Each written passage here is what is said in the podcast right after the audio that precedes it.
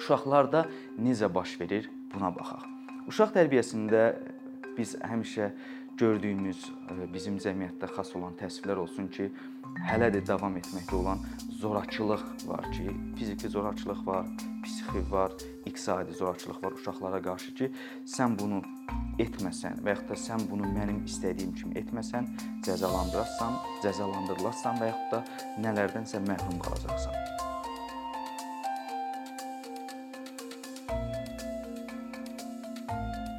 Məktəbəqədər təhsildə teatrın rolu budur mövzumuz. Və niyə təhsildə, ümumiyyətlə məktəbəqədər təhsildə teatr əhəmiyyətlidir, önəmlidir? Teatr haqqında bir çox belə qəlibləşmiş sözlər var ki, teatrı daha gözəl, daha təmtəraqlı təqdim etmək üçün bir çox sözlər var, amma baxsaq teatr insan həyatında niyə önəmlidir? Birinci böyüklər üçün əhəmiyyəti və önəmi nədir? Ondan danışaq və uşaqların həyatında hansı önəmi kəsb edir, keçək ona. Böyüklərin həyatında teatrın nə əhəmiyyəti var? Buna baxsaq, buna ən yaxşı cavabı qədim antik Yunanistanda veriblər ki, teatr böyüklərin tərbiyə məktəbidir. Böyüklər teatra gedirlər, orada hər hansı bir səhnələşdirilmiş əsəri aktyorun ifasında və yaxud da rəqs ifasında və yaxud da bədən ifasında görürlər izləyirlər və bunlarda müəyyən proseslər baş verir. Bunlar nə isə dərk eləyirlər, nə isə qavrayırlar. Özlərindəki mənfi tərəfləri azaldırlar, müsbət tərəfləri daha yaxşı inkişaf elətdirirlər və uşaqların tərbiyə aldığı məkan isə ev sayılır, onların ailəsinin mühiti. Və böyüklərin tərbiyə məktəbi bu deyilən teatrda hansı proses baş verir ki, insanlar həqiqətənmi burada nələrsə dəyişdirirlər və bu necə baş verir? Buna baxsaq və bu necə baş verir aydınlaşdırsaq, buna yenə e, Yunanistandan cavab alırıq. Aristotelin yazdığı əsər olan poetika əsərindən ki, katarsis söhbəti var Aristotelin poetika əsərində və bu katarsis prosesi necə baş verir buna baxaq. Katarsis prosesi Aristotelin dediyi budur ki, belə baş verir ki, insan səhnədə və yaxud da ekranda müasir günümüzdə və yaxud da oxuduğu bir əsərdə nə isə izləyir, oxuyur, baxır, bir qəhrəman görür orada və bu qəhrəmanın başına müəyyən hadisələr gəlir. Və bu hadisələri izləyən zaman bu mənfi hadisələrdə izləyən zaman tamaşaçı əvvəlcə qorxur. Niyə qorxur? Ona görə qorxur ki, bu mənim də başıma gələ bilər. Mən də bu çıxılmaz bir vəziyyətə, situasiyaya düşə bilərəm. Sonra sevinir. Niyə sevinir? O mən deyiləm. O ordakı qəhrəmandır. Mən tamaşaçıyam oxuyucuyam, izləyəcəyəm, oturmuşam burada. O isə qəhrəmandır, onun başına gəlir. Sonra tamaşaçıda baş verən növbəti proses yazıq gəlmədi. Və qorxdum, sevindim, yazığım gəldi. Və ardıcıl müəyyən başqa hiss və duyğularımız baş verir və Aristotel deyir ki, bu bizdə katarsis prosesinə aparır. Katarsis prosesi nədir? Təmizlənmə, arınma. Bizdə olan bir çox mənfi duyğular deyək ki, bu başqaları üçün zərərlidir. Bəlkə özümüz üçün də zərərlidir. Biz bu duyğulardan, bu düşüncələrdən, bu davranışlardan təmizlənirik, arınırıq, katarsis prosesi keçirdib üst mərhələyə qalxırıq, təmizlənmiş insan olaraq. Və bu proses uşaqlarda necə baş verir, buna baxaq. Uşaq tərbiyəsində biz həmişə gördüyümüz bizim cəmiyyətdə xas olan təsvirlər olsun ki, hələ də davam etməkdə olan zorakılıq var ki, fiziki zorakılıq var, psixi var, iqtisadi zorakılıq var uşaqlara qarşı ki, sən bunu etməsən və yaxud da sən bunu mənim istədiyim kimi etməsən, cəzalandırasan, cəzalandırılasan və yaxud da nələrdənsə məhrum qalacaqsan. Və yaxud da oturub uşaqla söhbət etsək, bu səhvdir, bu düzdür, bunu belə etmə. Məsələn bir örnək götürək telefon örnəyindən. Uşaq deyək telefonu yerə salıb sındırır və biz uşağa deyirik ki, burada sənin fotoların var, burada sənin gözəl-gözəl videoların var. Əgər sən bu telefonu sındırsan, bu fotolar olmayacaq. Və yaxud da iqtisadi tərəfdən deyirik ki, bu çox bahalı bir alətdir. Bu sınsa yenidən ala bilmərik. Biz uşağa bunu deyirik. Bəzi uşaqlarda bu proses gedir. Uşaq deyir ki, hə, düz deyir. Mən bunu sındırmayım. Burada mənim fotolarım, videolarım var. Bahalıdır. Atam, anam əziyyət çəkib bunu alana qədər. Amma bir çox uşaqlarda isə şuuraltı olaraq fantaziyası işləyir. Görəsən bu telefon sındığı zaman nə baş verəcək? Onun içərisində onun fotolar, o videolar havada necə uçacaqdı? Nə baş verəcəkdi? Və bir də burada e, başqa bir proses baş verir uşaqla. Uşaq daim bir uşağın üzərinə fokuslanırıq. Sən bunu eləmə, sən onu eləmə, sən ağıllı ol, sən düz otur, sən gülmə və bu uşağı daim sözlü şəkildə biz bu sözə sözlərə məruz qoyduğumuz zaman bu sinifdəki, qrupdakı digər uşaqlar tərəfindən də xaric edilməyə məruz qalır. Yəni bunun xarakteri belədir. Bu damğalanır, bu şuluqçudur, bu sözə qulaq asmır, bu onu eləyir, bu bunu eləyir. Və bu uşağın içə qapanıq olmasına, özünü ifadəsinə mane olmasına. Bəzən bu uşaqlar içə qapanıq olurlar, danışmırlar ki, danışaram, nəsə səhv eləyərəm, nəsə hərəkət eləyərəm, yenə səhv olar, yenə məni bəyənməzlər. Və bir də daha mənfi bir proses gedir, özünü bəyəndirməyə çalışmaq müəllimin xoşuna gələn nəsə eləyim, valideynin xoşuna gələn nəsə eləyim, nənənin, babanın və bu bir xarakterin pozulmasına, bir uşağın, bir insanın xarakterinin pozulmasına gətirib çıxardır.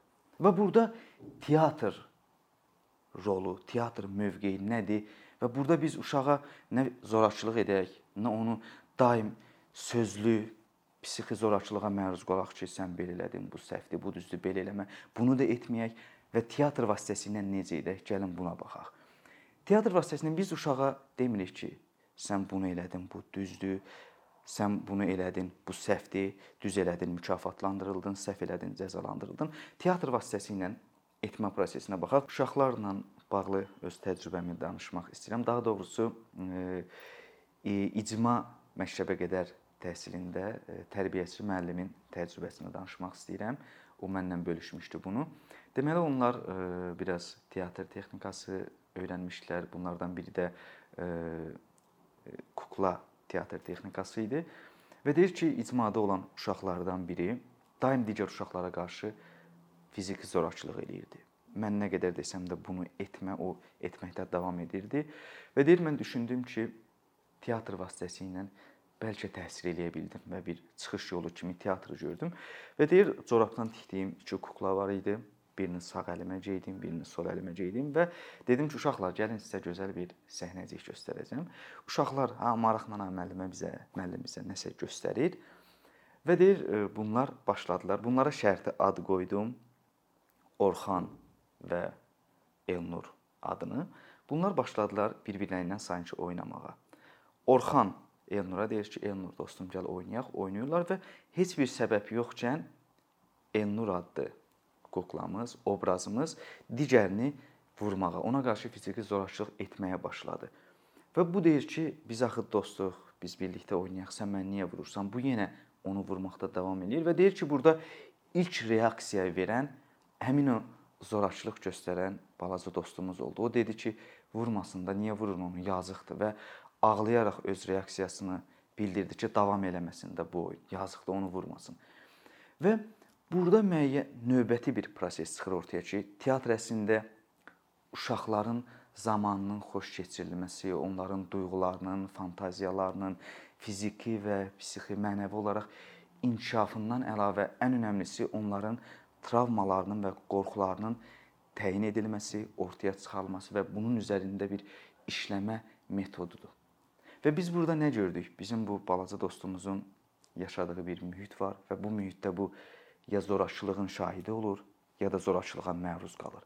Və bir də teatrda emosional yaddaş deyilən bir şey var. Biz ona görə səhnədə gördüyümüz şeyləri şərti olaraq deyil, bir müddətdən sonra real qəbul edirik ki, emosional olaraq qayıdırıq öz yaddaşımıza, öz yaşadıklarımıza və biz orada artıq iki kuklanı deyil, zorakılıq göstərən və zorakılığa məruz qalan tanıdığımız insanları görürük və yaxud da özümüzü qoyuruq onların yerinə.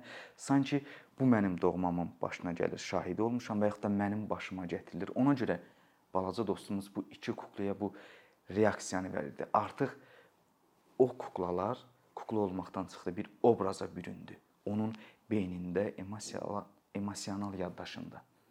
Və teatrın uşaq tərbiyəsində ən böyük əhəmiyyəti budur. Biz ona nə isə demirik, ona nə isə izah etməyə ağıllı cümlələr ondan qurmuruq. Ona göstəririk. O seçsin nə səhvdir, nə düzdür. Bunu edərkən nə baş verir və bunu etmək kənardan necə görünür? Və burada ən önəmli şeylərdən biri də qətiyyən qrupdakı uşağın adından istifadə eləmirik. Qrupdakı heç bir uşağın adından istifadə etmirik. Burada damğa sözlərdən istifadə etmirik və demirik ki, həmin o balaca dostumuza ki, bax bu sənsən, bax səni göstərir. Uşaqlar görün, budur bax belə oynayır. Sadəcə göstəririk. Sanki heç bu hadisə burada baş verməyibdi, onu göstəririk. Və balaca dostumuz ondan bir nəticə çıxardacaqdır. Və mən başqa bir örnək vermək istəyirəm ki, uşaqlarda hansı dəyişikliyi aparır. İcmada olan balaca dostlarımızdan biri öz oyuncağını 1-2 gün gətirir, sevimli oyuncağını icma məktəbinə. Orda oynayır öz dostu ilə. Sonra gedir evdə anasına deyir ki, oyuncağımı dostum oğurlayıbdı. Və bu valideynlər arasında mübahisəyə səbəb olur. Valideyn inanır ki, həqiqətən də bunun oyuncağını dostu oğurlayıb və böyük bir mübahisə olur.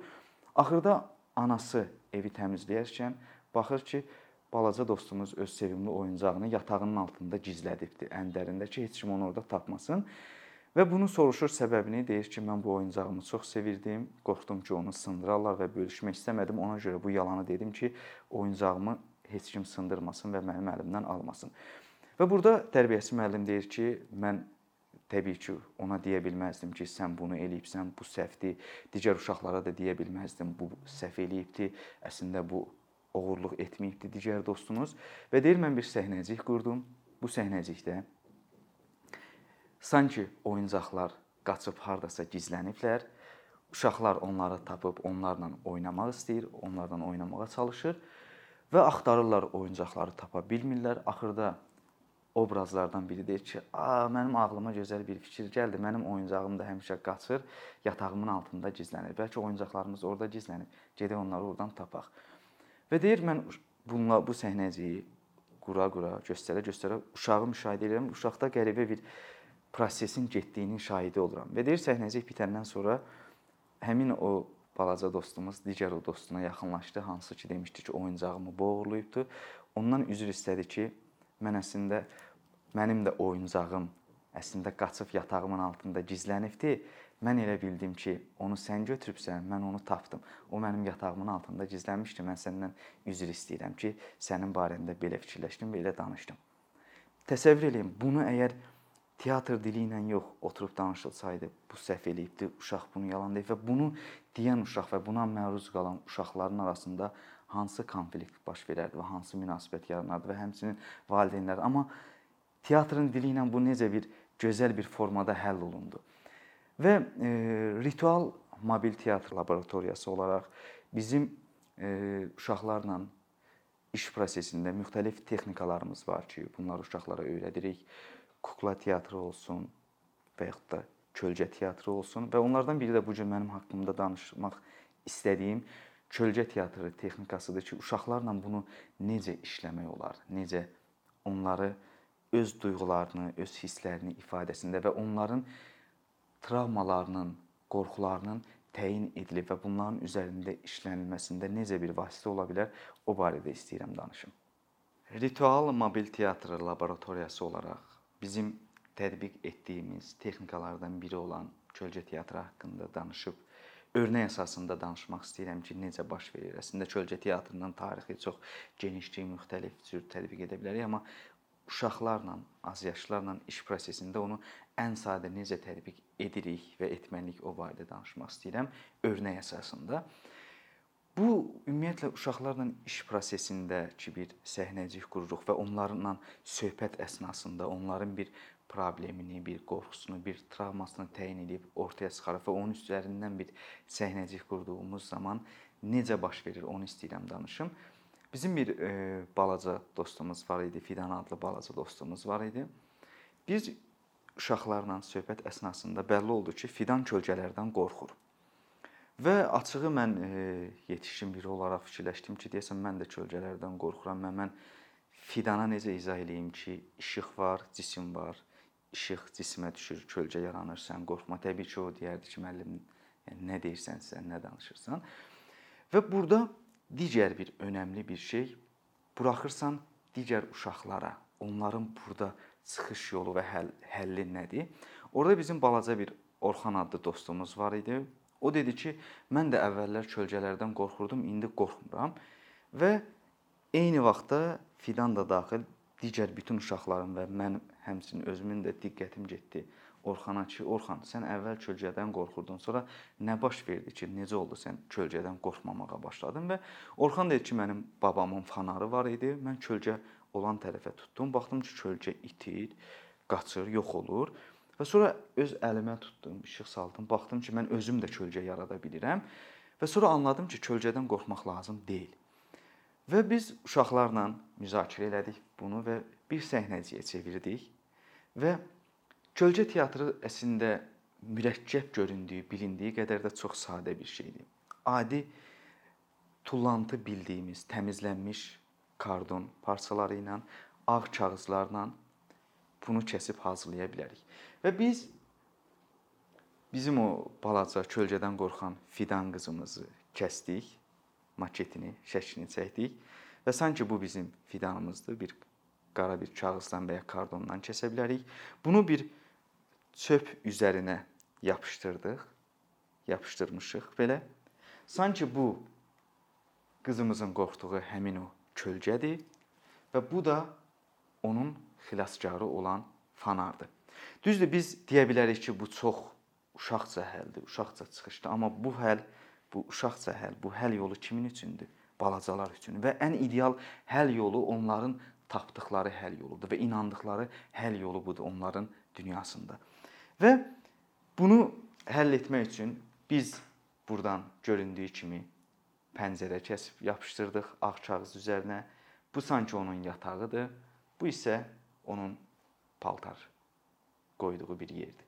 Və telefonun fanarıdır və telefonun işığıdır. Tutduq. Bu oldu bizim fidanımızın otağı. Sanki fidan belə bir səhnəcik qurduq ki, sanki fidan qızımız axşam yatmağa gəlir otağına Sanki burdan kölgə gəlir, kölgə pəncərədən daxil olur və bunu görən fidan qorxmağa başlayır, fikirləşir, nə etsin və həll yolu tapır ki, aha, mən gedim fanar gətirim və fanar gətirir və sanki kölgəni qorxub, qorxudub uzaqlaşdırır. Və bu çox sadə bir həll yolu, sadə bir səhnəcik, amma bundan sonra onlar artıq inanır ki, aha, biz əslində kölgədən qorxmamalıyıq. Bunun bir həll və çıxış yolu var. Teatr haqqında bir çox söhbətlər var ki, sənət nədir, teatr nədir? Teatr incəsənət kütlə üçündürmü, yoxsa incəsənət incəsənət üçündür? Bir çox söhbətlər var və hərə bir çıxış yolu, həll yolu deyir və mənim inandığımsa budur ki, teatr uşaqlar üçündür, onlar üçündür. Onların o balaca dünyasını gözəlləşdirmək üçün, ora dəyərlər qatmaq üçündür teatr. Teatr onlar üçündür, balacalar üçündür. Siz e, valideyn və yaxud da müəllim olaraq bunu evdə, məktəbdə tətbiq etmək istəyirsinizsə, bu kölgə teatr texnikasını öz uşaqlarınızla bu çox sadə bir texnikadır. Çox sadələşdirilmiş bir texnikadır. Deməli bizə lazım olan sadəcə karton parçalarıdır. Bir çərçivə düzəldirik və onun üzərinə ağ bir kağız yapışdırırıq və yaxud da bişirmə kağızı deyirik, o daha nazik olur. Əgər əlimizdə bunlar yoxdursa, bir çərçivə düzəldirik taxta parçaları ilə və onun üzərinə ağ bir pərdə yapışdırırıq. Və obrazlarımız ki var səhnədə ifa eləyəcəklər. Bunları qara bir kağızdan, kardon parçasından kəsirik. Taxta parçasının üzərinə çox sadə bir formada yapışdırırıq. Artıq obrazımız hazırdır. Bu isə fanarıdır sanki onun və qorxduğu kölgəsi. Yəni bu çox sadədir və əlimizdə bir fanarla, bir telefon işığı ilə bu səhnəciyi evdə və yaxud da məktəbdə uşaqlarla birlikdə tətbiq eləyə bilərik.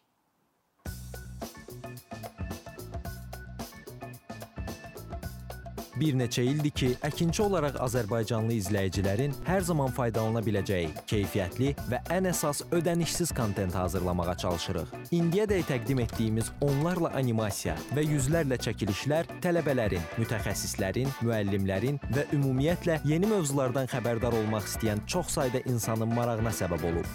Bu illər ərzində hazırladığımız videolar təhsil, texnologiya, ictimai fəallıq, iqtisadiyyat, gender bərabərliyi, ətraf mühit, ifa istifadə azadlığı, hüquq, demokratik inkişaf, mədəniyyət və digər mövzuları əhatə edib. Məqsədimiz çoxlu baxış gətirən deyil, çoxlu fayda gətirən videolar hazırlamaqdır. Amma bu düşündüyümüz qədər asan deyilmiş. Gördüyümüz iş kifayət qədər resurs, əmək və təbii ki, davamlılıq tələb edir. Bu səbəbdən Patreon platformasından istifadəyə başladıq. Əkinçinin Patreon hesabının populyarlaşmasına çox böyük ümidlərimiz və gözləntilərimiz var. Bəziləriniz Patreon haqqında ilk dəfə eşidirsiniz. Əslində çox sadə izahı olan bir platformadır. Təsəvvür edin ki, siz rəssam və ya musiqiçisiniz. Sosial şəbəkələrdə sizi izləyən, işinizi bəyənən çox sayda insan var. Patreon platforması sizə imkan verir ki, izləyicilərinizin könüllü aylıq ödənişləri sayəsində işinizi davam etdirəsiniz. Sərgi, konsert zallarından asılı qalmayasınız. Amma bu təkcə rəssam və musiqiçilərə aid deyil. Məsələn, əkinçiyə bənzər fəaliyyətlə məşğul olan bəzi layihələrin 10 minlərlə patronu var. Biz də düşündük ki, nə üçün əkinçinin Patreon hesabı olmasın? Sizin dəstəyiniz sayəsində biz daha çox və daha keyfiyyətli kontent yaratmağa davam edə biləcəyik. Amma bu dəstək yalnız maddi dəstək deyil. Dəstəkçilərimizin sayının artması gördüyümüz işlərin faydalı olduğuna dair əminlik verir. Patreon platformasından istifadə çox sadədir. Hesabınızı açırsınız, sizə uyğun dəstək növünü seçirsiniz və Patreon özü hər ayın ilk günü kartınızdan seçdiyiniz dəstək növünə uyğun ödəniş tutur. Bu qədər. Sonda onu demək istəyirik ki, dəstəkçilərin sırasına qoşulmaq istəyən, amma məhdud imkana görə bunu edə bilməyənlər narahat olmasın. Daha öncə dediyimiz kimi, bizim əsas məqsədimiz daha çox insanın hər zaman faydalana biləcəyi keyfiyyətli və ödənişsiz kontentin yaradılmasıdır. Bunun üçün mütləq patronumuz olmalısınız deyə məcburiyyət yoxdur. Amma imkanınız patron olmağa çatırsa və bizim işimizi bəyənirsinizsə, patronlarımızın sırasına qoşulmağınız bizim üçün çox önəmlidir.